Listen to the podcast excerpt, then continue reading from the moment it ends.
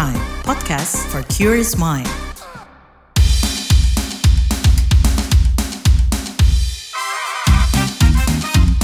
What's Trending KBR Pagi, siaran pagi radio paling update.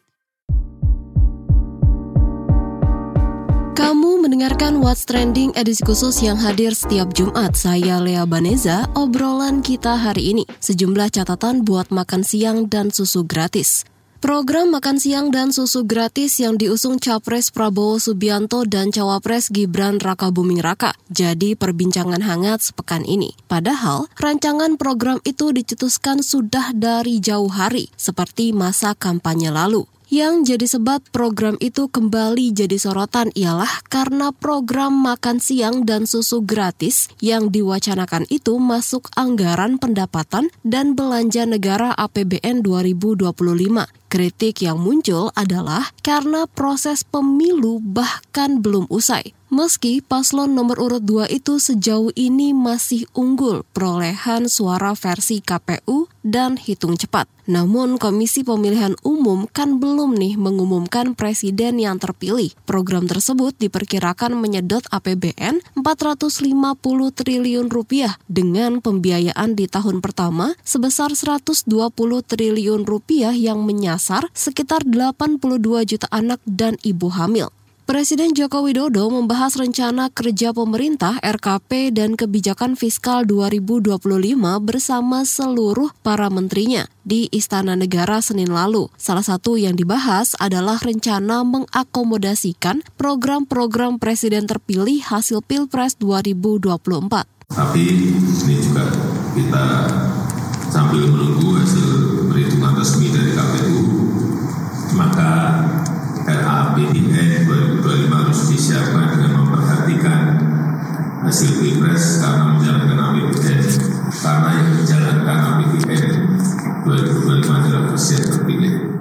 Nah, program makan siang dan susu gratis yang diusulkan masuk APBN 2025 turut dibenarkan Menteri Investasi atau Kepala Badan Koordinasi Penanaman Modal BKPM, Bahlil Lahadalia. Program tersebut milik Prabowo Gibran. Tapi Bahlil menampik program makan siang dan susu gratis masuk APBN mendahului KPU. Dia beralasan pembahasan itu sebatas simulasi. Ya harus mengakomodir dong, harus mengakomodir yang menjadi program prioritas Pak Prabowo Gibran. Karena ini kan kita bahas APBN 2025. Kalau kita bahas APBN 2025, presidennya kan sudah uh, Pak Prabowo, Mas Prabowo, Pak Prabowo sama Wapresnya Mas Gibran. Jadi pasti. Ya kita antisipasi antisipasi kan bulan depan. Jadi sekarang ini antisipasi-antisipasi. Jadi ada mod, ada model ya, ada ada beberapa model yang dikembangkan nanti dalam rekayasa uh, perkiraan asumsi untuk APBN 2025. Lantas dengan anggaran sebesar itu untuk menangani gizi buruk, apa aja sih catatan ekonom dan ahli gizi terkait program ini? Kita mau obrolin bareng news editor KBR Reski Novianto usai jeda. Tolong, tolong. Ada apa MJ? Spiderman tolong tangkepin orang ini. Loh, kenapa? Aku habis kena tipu investasi bodong nih. Sekarang aku bangkrut. Kosanku bakal nunggak tiga bulan. Oh alah, pasti belum dengerin uang bicara ya? Uang bicara. Apa itu? Podcast ekonomi dan literasi finansial dari KBR Prime. Narasumbernya kredibel dan topiknya cocok banget buat anak muda kayak kita. Ada juga nih, topik biar nggak ketipu investasi bodong. Oh iya, aku dengerin deh. Tapi kamu mau kan nangkep penjahatnya? Siap, apa sih yang nggak buat kamu? Uang Bicara, menavigasi kamu supaya tetap cuan dari KBR Prime. What's Trending KBR Pagi, siaran pagi radio paling update. Balik lagi di What's Trending edisi khusus setiap Jumat. Topik kita kali ini sejumlah catatan buat makan siang dan susu gratis. Reski, rencana ini kan butuh duit yang gede gitu ya. Tadi aku udah sebutin angkanya dan ada komen gak nih dari Menteri Keuangan Sri Mulyani?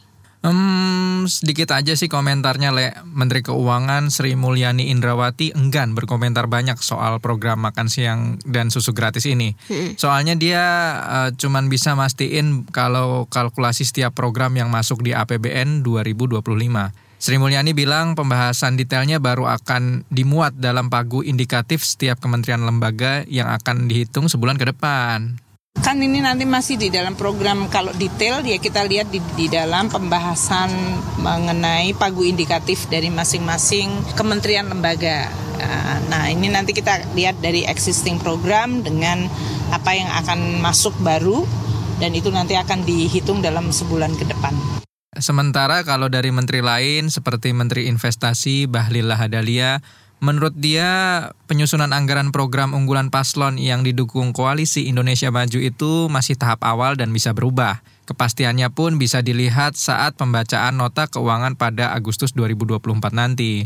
Nah, kata Bahlil, kecil kemungkinan program makan siang gratis dibiayai swasta. Meski begitu, Bahlil juga mengeklaim kalau program ini dapat membuka peluang investasi di bidang sapi perah untuk penyediaan susu gratis. Oke. Selain itu, dia memperkirakan ada 45 ribu dapur yang bakal disiapkan, sehingga dapat memicu pertumbuhan ekonomi di sektor pangan. Oke, katanya kan berarti untuk memicu pertumbuhan ekonomi. Tapi kalau program ini di mata ekonom seperti apa, Reski? Nah, ekonom dari Pusat Reformasi Ekonomi atau KOR, Yusuf Randy Manilet, yang kita wawancara menilai program makan siang gratis itu butuh anggaran sebesar 450 triliun rupiah yang bakal membebani APBN. Dan dia menyarankan Prabowo Gibran harus mencari sumber pendanaan alternatif ketimbang mengambil dari APBN jika nanti keduanya terpilih sebagai presiden dan wakil presiden. Nah, soal mampukah APBN kita membiayai program makan siang dan susu gratis itu, dia punya penjelasannya. Sebenarnya kan kalau kita lihat dari diskusi saat ini memang belum ada secara clear gitu ya bagaimana kemudian pemerintah mendanai berbagai kebutuhan program tidak hanya makan siang gratis. Karena kalau kita lihat visi misi dari presiden terpilih sementara ya itu uh, ada kebutuhan belanja lain. Dan kalau kita lihat belum ada yang mengatakan bagaimana ini didanai. Kembali ke pertanyaannya apakah kemudian ini mampu dilakukan? Mampu tetapi sekali lagi ini kemudian bisa dilakukan dengan uh, pendanaan alternatif melalui penarikan utang baru dan tidak bisa hanya melalui realokasi anggaran dan sumber pendanaan utama yaitu melalui pajak dan non pajak. Sayangnya kalau kita bicara konteks kebijakan baru, tentu pemerintah baru ini ingin segera mungkin bisa merealisasikan janji-janji kampanye, janji-janji politik. Jadi saya kira pilihan melakukan otak atik anggaran itu relatif kecil untuk dilakukan. Yang akan dilakukan justru akan mengakomodir beberapa kebutuhan belanja yang disampaikan dari janji politik tersebut gitu. Makanya kalau kita lihat di tahun depan, cananya kan RAPBN itu defisit itu diperkirakan bisa mencapai 2,8 persen terhadap PDB itu relatif jauh meningkat dibandingkan dengan kondisi di tahun lalu 2023 dan proyeksi di tahun ini yang di, diproyeksikan sekitar 2,2. Jadi yaitu lagi bahwa konsekuensinya adalah defisit anggarannya akan mengalami peningkatan.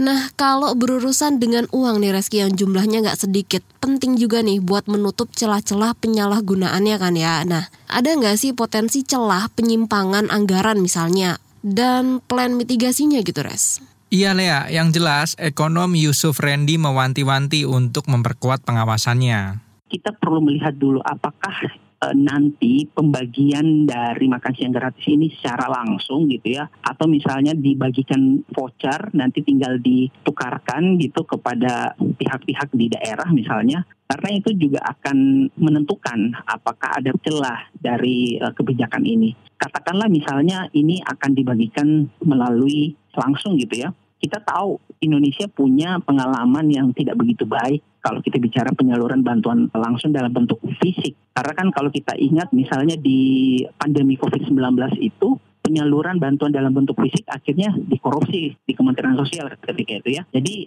saya kira bentuk penyalurannya ini yang kemudian penting untuk ditegaskan seperti apa karena ini juga akan mempengaruhi besar kecilnya peluang kebijakan ini disalahgunakan. Nah, mitigasinya itu tadi sebisa mungkin sebenarnya tadi dibagikan dalam bentuk tertentu, kemudian misalnya pengawasannya apakah sentralistik dan juga Eh, koordinasi dari penyalurannya karena semakin banyak pihak yang terlibat dari proses pengawasan di program makan siang gratis ini maka saya kira peluang untuk disalahgunakannya program ini untuk kepentingan tertentu juga akan relatif semakin kecil. Oke, kalau itu tadi pembahasan dari sisi ekonomi, kita mau lanjut bahas soal keterpenuhan gizi usai jeda. Suka galau ketinggalan berita di tongkrongan? Iya. Penasaran sama trending topik sepekan tapi bingung kudu ngapain? Iya. Makanya dengerin FOMO Sapiens dari KBR Prime setiap Jumat. Iya. Iya, iya. Uh. Pintas yang gak bakal bikin kamu ketinggalan berita atau peristiwa di sekitar kamu. Bareng Eki Priagung dan Aika. No more fear of missing out, peeps. What's Trending KBR Pagi, siaran pagi radio paling update. Balik lagi di What's Trending edisi khusus setiap Jumat. Topik kita kali ini sejumlah catatan buat makan siang dan susu gratis. Menteri Koordinator Bidang Perekonomian Erlangga Hartarto menyebut setiap orang yang menjadi penerima manfaat program makan siang gratis akan menerima jatah Rp15.000 per anak dari kebijakan yang dijanjikan Prabowo Gibran tersebut. Jatah itu di luar untuk susu gratis. Katanya tujuan programnya itu untuk meningkatkan kesehatan dan ketahanan anak dan ibu hamil. Beberapa negara lain yang juga punya program serupa adalah makan siang gratis untuk semua siswa prasekolah, SD, serta siswa SMA di Finlandia, dan makan siang gratis untuk semua siswa SD dan menengah di Swedia. Tapi Reski, aku penasaran ya dengan budget yang 15 ribu tadi, kata Erlangga, menu bergizi apa yang harganya tuh segitu? Iya Lea, itu juga yang kita coba tanyakan ke ahli gizi. Kita sudah mewawancara dokter dan ahli gizi masyarakat Tan Sotien. Kita bahkan bertanya gimana kira-kira caranya menyediakan makan siang dalam jumlah banyak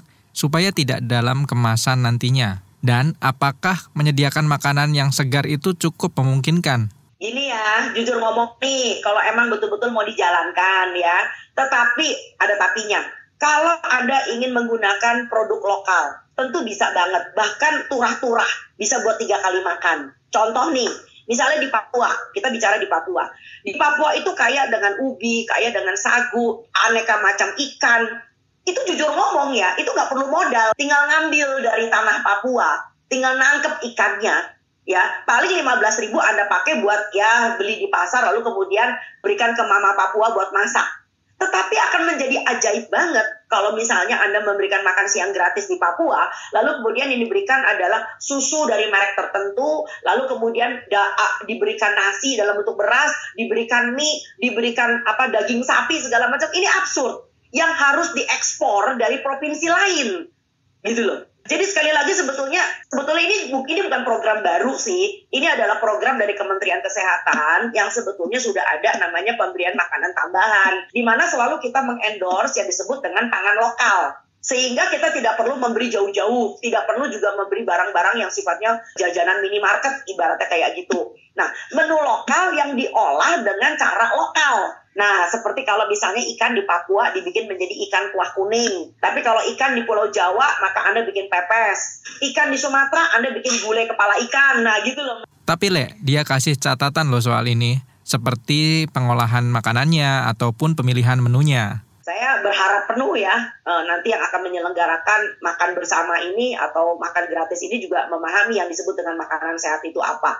Bukan sehat menurut industri ya, kalau sehat menurut industri nanti yang betul-betul yang dikasih adalah mie instan pakai sosis gitu ya.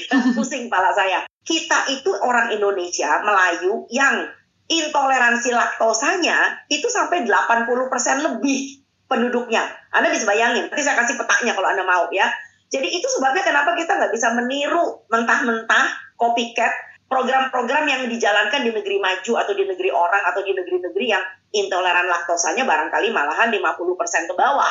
Jadi alih-alih anaknya jadi sehat, ini anak sekolah dibikin mentret semua nih. Ya lagian kalau sasarannya anak sekolah kan nggak tepat ya bahwa kalau ingin mencegah stunting sejak ibu hamil sampai dengan anak berusia 2 tahun. Di atas itu udah telat, anak udah keburu stunting gitu loh ya. Sekali lagi, susu adalah bagian dari protein hewani. Tetapi protein hewani yang banyak di Indonesia kan masih banyak ya Susu itu kan cenderung untuk bicara tentang produk industri. Sedangkan kita punya peternak telur ya kan ada peternak ayam. Telur bukan cuma ayam, ada telur bebek, telur entok, telur puyuh, telur apa segala macam ya. Dan telur itu justru sebagai protein hewani kalau di kalangan kami ahli gizi, telur adalah representatif dari protein sempurna karena asam aminonya lengkap. Nah, dan hebatnya telur adalah justru bisa disimpan dalam suhu ruang tanpa harus Anda takut basi atau rusak dan sebagainya. Sedangkan susu, punten ya, susu ya. Kalau Anda betul-betul pengen susu seperti kayak WHO yang merekomendasikan, maka di atas usia satu tak kalau 0 sampai eh, eh, kalau 0 sampai satu tahun kalau ibunya tidak netein tentu bicara tentang susu formula. Tapi kalau satu tahun ke atas maka yang dianjurkan oleh WHO adalah susu yang terpasteurisasi. Ya, jadi pasteurized milk karena apa? Karena susu kalau dipasteurisasi dengan suhu cuma 75 sampai 80 derajat Celcius, maka kebaikan susu masih ada. Vitaminnya masih lengkap ya. Ya, lalu kemudian segala macamnya masih tidak rusak. Tetapi kalau yang dibagi adalah susu UHT, ultra heat treatment, maka dengan suhu yang sangat tinggi, tujuannya untuk mematikan kuman tentu saja, maka kebaikan susu itu udah hilang. Apalagi kalau susunya ditambahin dengan rasa stroberi, rasa vanila, rasa coklat, nano-nano, plus ditambahin gula. Sebab orang Indonesia anaknya nggak doyan kalau susunya nggak manis. ya. Jadi kalau menurut saya ini tentang, ini tentu saja blunder banget. Nah, banyak ya yang mesti diperhatikan dan dicatat dari beberapa ahli ini. Soal itu, kalian juga bisa loh kasih pendapat. Silahkan ketik di kolom komentar yang tersedia di platform mendengarkan podcast kesayangan kamu. What's Trending hadir di KBR Prime, Spotify, dan Noise. Demikian What's Trending edisi Jumat, saya Lea Baneza dan News Editor. Reski Novianto pamit. Sampai jumpa pekan depan.